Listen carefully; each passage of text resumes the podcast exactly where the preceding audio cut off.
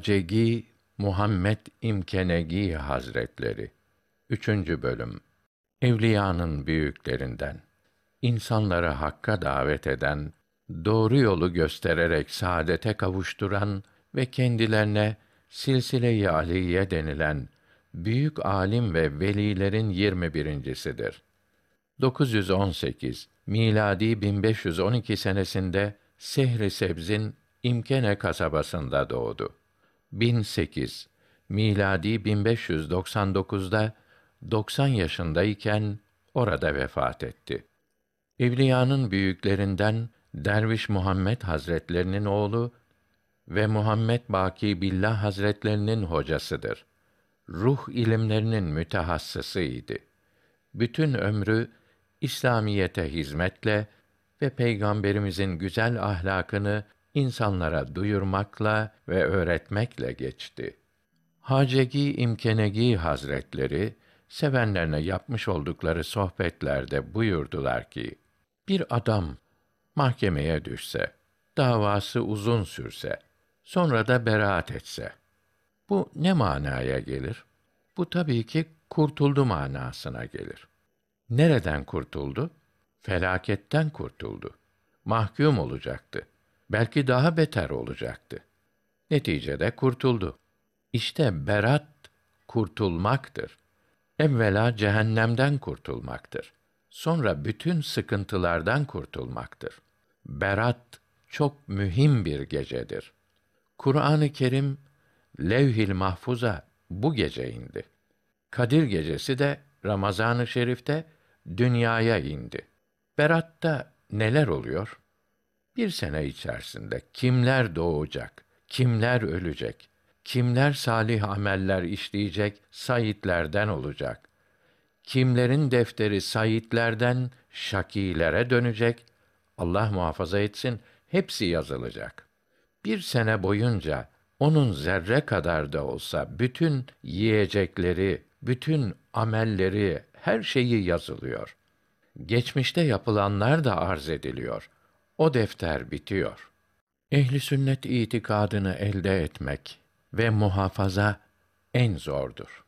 Çünkü Peygamberimiz aleyhisselatu vesselam buyuruyorlar ki, benim ümmetim 73 fırkaya ayrılacak. 72'si bozuk olacak, bunlardan yalnız bir fırka kurtulacaktır. Bunlar kimdir ya Resulallah diye sorulunca da sünnetime yani dinime ve cemaatime yani eshabıma tabi olanlar kurtulacaktır buyurdular. O halde ehli sünnet vel cemaat demek şeriate yani dinimize uymak ve eshab-ı kiramı mutlak sevmektir. Onların aralarında zerre kadar fark düşünmemektir. Birisi nasihat almak için Veysel Karani Hazretlerini çok görmek istiyor. Onun gittiği camiyi buluyor. Mübarek camiye bir giriyor ve üç gün sonra dışarı çıkıyor. Düşünün, üç gün abdestini tutuyor, namazını kılıyor. Veysel Karani Hazretleri camiden çıkınca, efendim üç gündür kapıda bekliyorum. Niçin? Sizin nasihatinizi almak için. Peki demiş, iyi dinle. Allah seni biliyor mu? Elbette biliyor. Başkası bilmese de olur, demiş. Devam etmiş. Allah'ı biliyor musun? Elbette biliyorum. Başka bir şeyi bilmesen de olur demiş. Efendim, bir nasihat daha söyleyin. Allah seni görüyor mu? Elbette görüyor. Başkası görmese de olur demiş. Şimdi bir etrafa bakın. İnsanların çektiği sıkıntıların tamamı desinlerden ileri gelmektedir. O ne der, bu ne der? Hem dünyada hem de ahirette rahat etmek isteyen Müslümanlık dairesi içine girmelidir. Dinin içinde tamamen insana faydalı şeyler vardır. Büyüklerimiz buyuruyorlar ki Allah nefse düşmandır. Allah nefsi kendisine düşman olarak yaratmıştır. Nefis de namaza düşmandır. İnsanın namaz kılması nefsini feryat ettirirmiş. Nefs namaz kılarken insanı şaşırtmaya çalışır. Bir gün cemaatle namaz kılarken imam şaşırmış. Cemaate dönmüş. üç mü dört mü kıldık demiş. Cemaatten bir kısmı dört, bir kısmı da üç demiş. Orada bulunan bir tüccara sormuşlar. O da üç demiş. Neye dayanarak bunu söylüyorsun deyince de hesap bitmedi demiş. Ben dördüncü rekatta para kasasının kapağını kapatırdım. Şimdi ise kapak açık kaldı demiş. Allahü Teala bu neşemizi kıyamete kadar devam ettirsin. Çünkü nasıl yaşarsanız öyle haşrolursunuz. Neşeli olmak birisinin duasını almakla olur. Birisinin kalbini kırarsanız onun günahı sebebiyle devamlı zulmet akar. İnsanları sevindirenleri Allah sevindirir. İnsanları üzeni Allah üzer. Allahü Teala'nın üzdüğü kimseyi kimse tedavi edemez. Fakir bir müşrik Peygamberimiz aleyhisselatu vesselam'ın yanına yanaşıyor. Ben çok fakirim. Bana bir şeyler ver diyor. Peki diyorlar. Şu vadiye bir bakın. Vadiye bakınca vadileri, ovaları dolduran koyun sürülerini görüyor. Peygamberimiz aleyhisselatu vesselam buyuruyorlar ki, buyur, bu koyunların hepsi senindir. Al bunları götür. Efendim, bu koyunları almadan evvel başka bir şey almak istiyorum diyor. Bana Müslümanlığı öğretin. Ben kelime-i şahadet getirmek istiyorum diyor. İşte bu cömertlik karşısında Müslüman oluyor. Sürüyü alıp köyüne gidiyor. Köyde herkes bu sürüyü görünce merak ediyorlar. Çünkü bu adam fakirdi. Şimdi ise çok zengin olmuş. Bunun üzerine o köylülere olanları anlatmaya başlıyor. Ben çok insan gördüm. Öyle bir cömert insan gördüm ki beni benden aldı. O Cenabı Peygamberden aleyhisselatu vesselam ben bir sadaka istedim. O bana bu kadar sürü verdi. Hepiniz gidin, Müslüman olun diyor. Orada bulunan herkes bölük bölük giderek Müslüman oluyor. Allahü Teala hepimizi cömertlerden eylesin. Cömertlik çok farklı bir haslettir. Cömertliğiyle meşhur olan Hatem-i Tayi Hazretlerine sizden daha cömert birini gördünüz mü diye sormuşlar. Ben kendimi cömert bilirdim. Ancak bir genç delikanlı gördüm. Uzak bir yerden gelmiştim. O gencin köyüne uğradım ve kapılarını çaldım. Beni misafir etti. Yemek olarak bana bir et getirdi. Et çok hoşuma gitti. Bu et niçin bu kadar lezzetli dedim. Genç, efendim afiyet olsun dedi. Gitti aynı etten bir daha getirdi. Bir müddet sonra bir daha getirdi. Bu durum dikkatimi çekti ve kendisine sordum. Genç şöyle izah etti. Efendim, bizim dokuz keçimiz var. Geçimimizi bunlardan sağlarız. Hoşunuza giden bu eti temin etmek için dokuz keçiyi de kestim diyor. Peki size ne kaldı? Siz rahat ettikten sonra gerisini düşünmeyin diyor. Oradakiler Hatem-i Tayi Hazretlerine siz ona ne verdiniz? Ben de beş bin koyun verdim diyor. Peki siz daha çok vermişsiniz. Nasıl o sizden daha cömert oluyor? Ben mevcuttan verdim. Bende yine kaldı. Halbuki o hepsini verdi. Kendisine bir şey kalmadı. Cömert ben buna derim diyor. Cömertin zaman zaman şuuru yerinde olmaz. Şuursuzca yapar.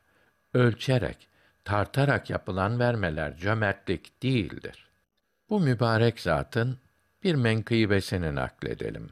Abdullah Han'ın vefatından sonra 1006 1598 oğlu Abdülmü'min Semerkant'ta tahta oturmuş, kısa bir süre sonra öldürülünce akrabası ve son Şeybani hükümdarı Pir Muhammed Han Maveraün Nehr padişahı olmuştu.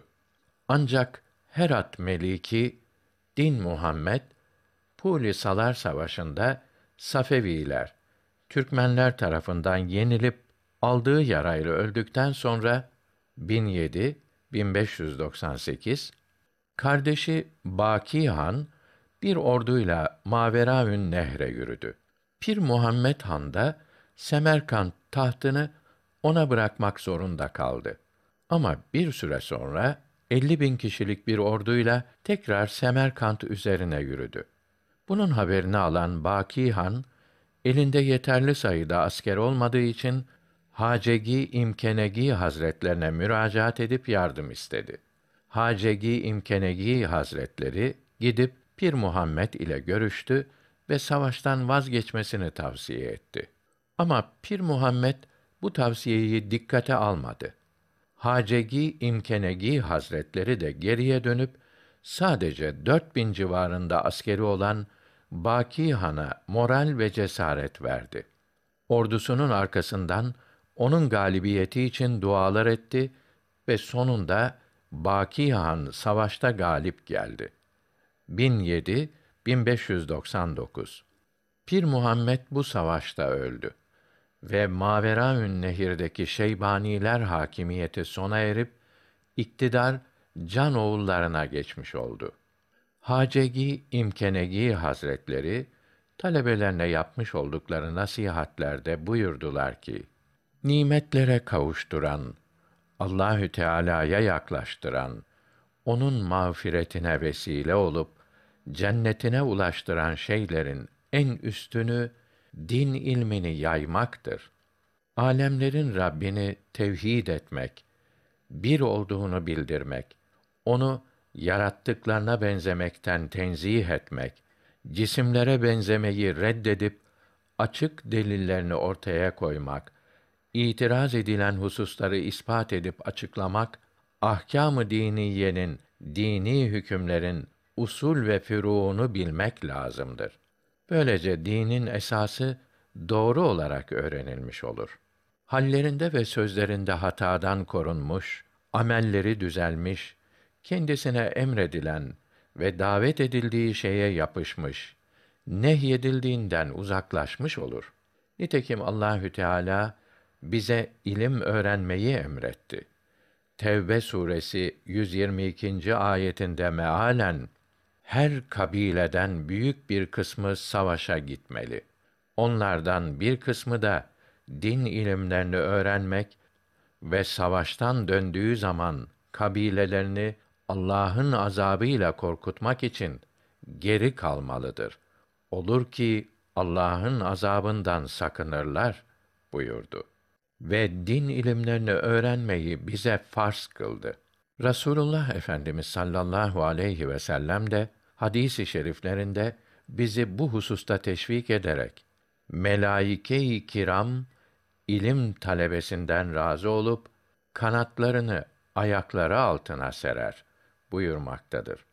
Alimleri de şeytana karşı alimin uykusu cahil abidin ibadetinden daha şiddetlidir. Şeytanı daha çok korkutur buyurarak övmektedir.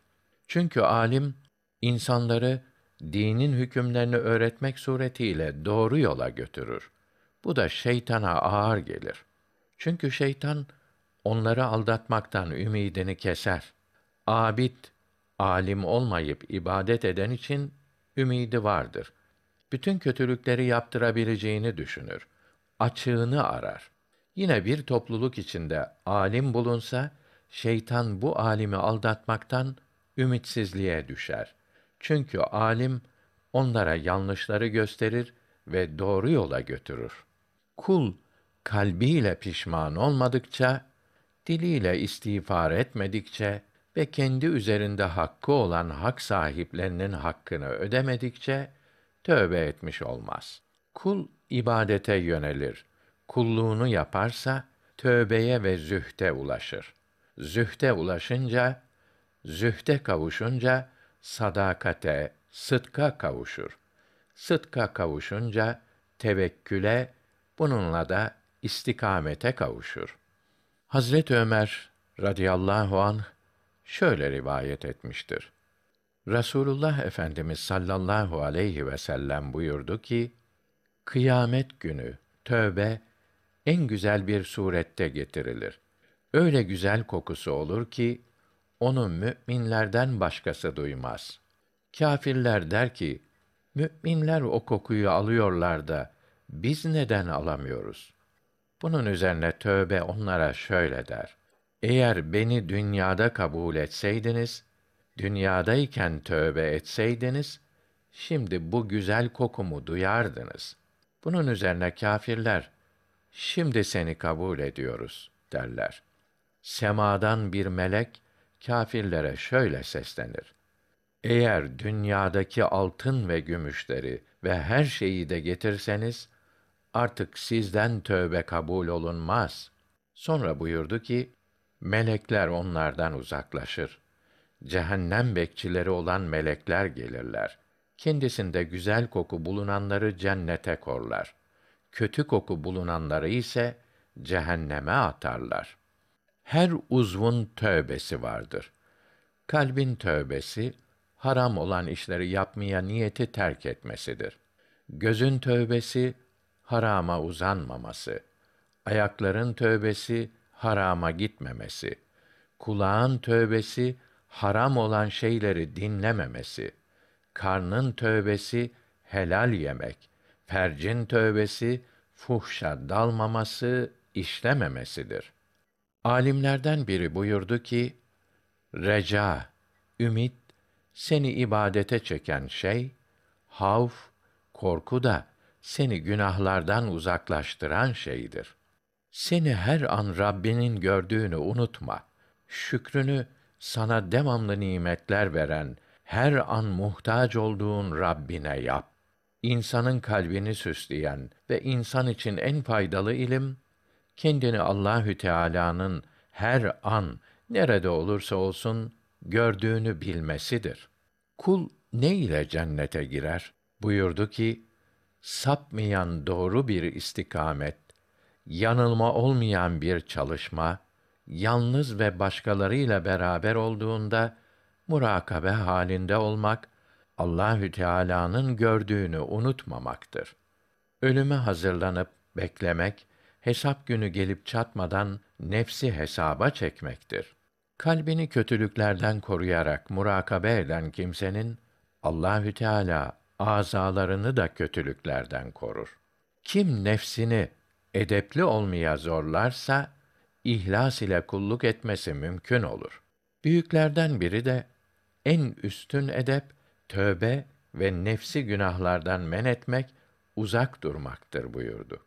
Süfyan-ı Sevri Hazretleri buyurdu ki, güzel edep Allahü Teala'nın gazabını söndürür. Yahya bin Muaz Hazretleri kim tam bir edep ile edeplenirse Allahü Teala'nın sevdiği muhabbet ehli kimselerden olur buyurdu. Buyuruldu ki üç haslet vardır ki bunlara sahip olan mahrum kalmaz. Edep ehliyle beraber bulunmak, güzel edep sahibi olmak ve başkasına eziyet etmemek.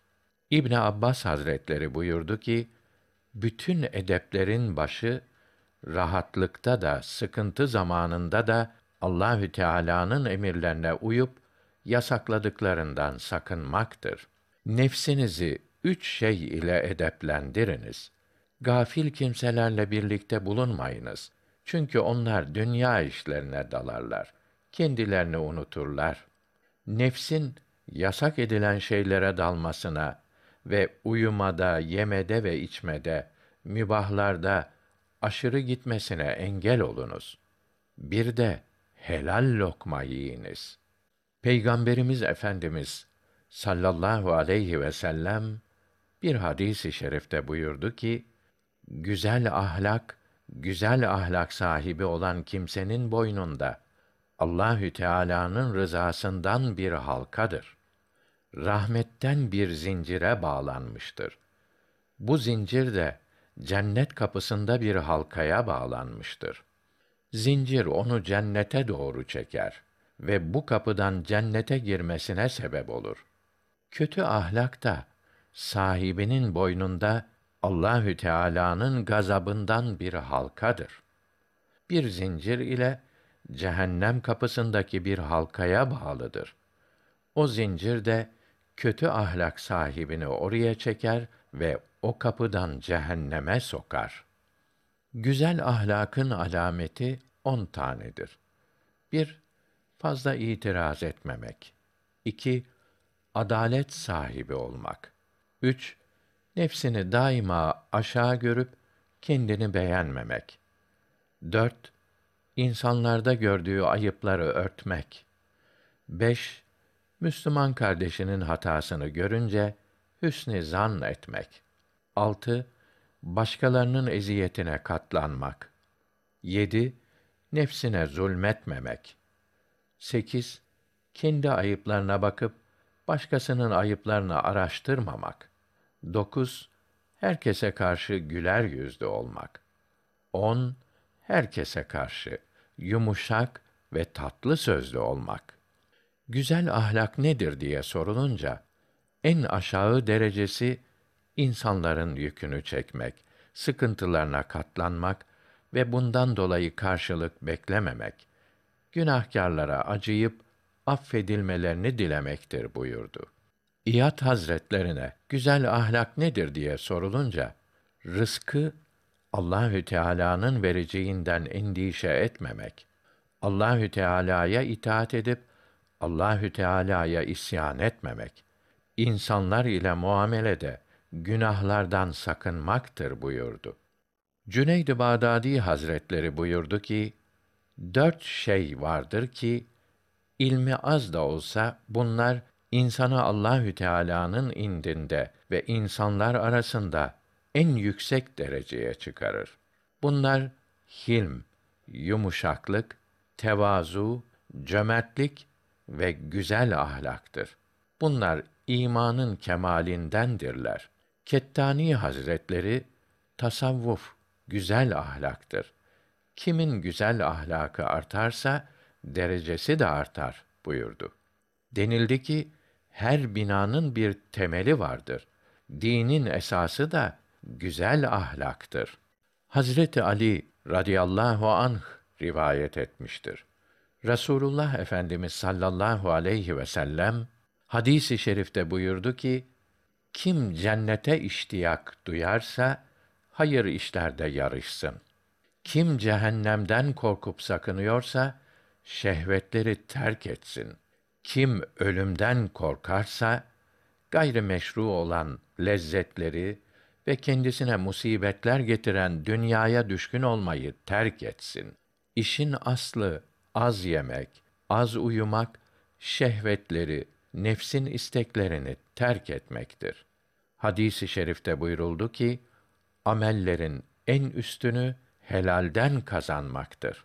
İnsan dinini şehvetlerine tercih etmedikçe, dini için şehvetlerini terk etmedikçe kamil insan olamaz. Büyüklerden bir kısmı da şehvetler şeytanın yularıdır. Kim onun yularını takınırsa dünyada kaldığı müddetçe şeytanın bineği olur buyurdu. Büyükler buyurdu ki mümin nefsini şehvetlerinden koruyup ıslah edince nuru melekut aleminde kandil içindeki lamba gibi parlar. Tûl emel bitmek bilmeyen istekler nefsin şehvetlerine dalmaya sebep olur.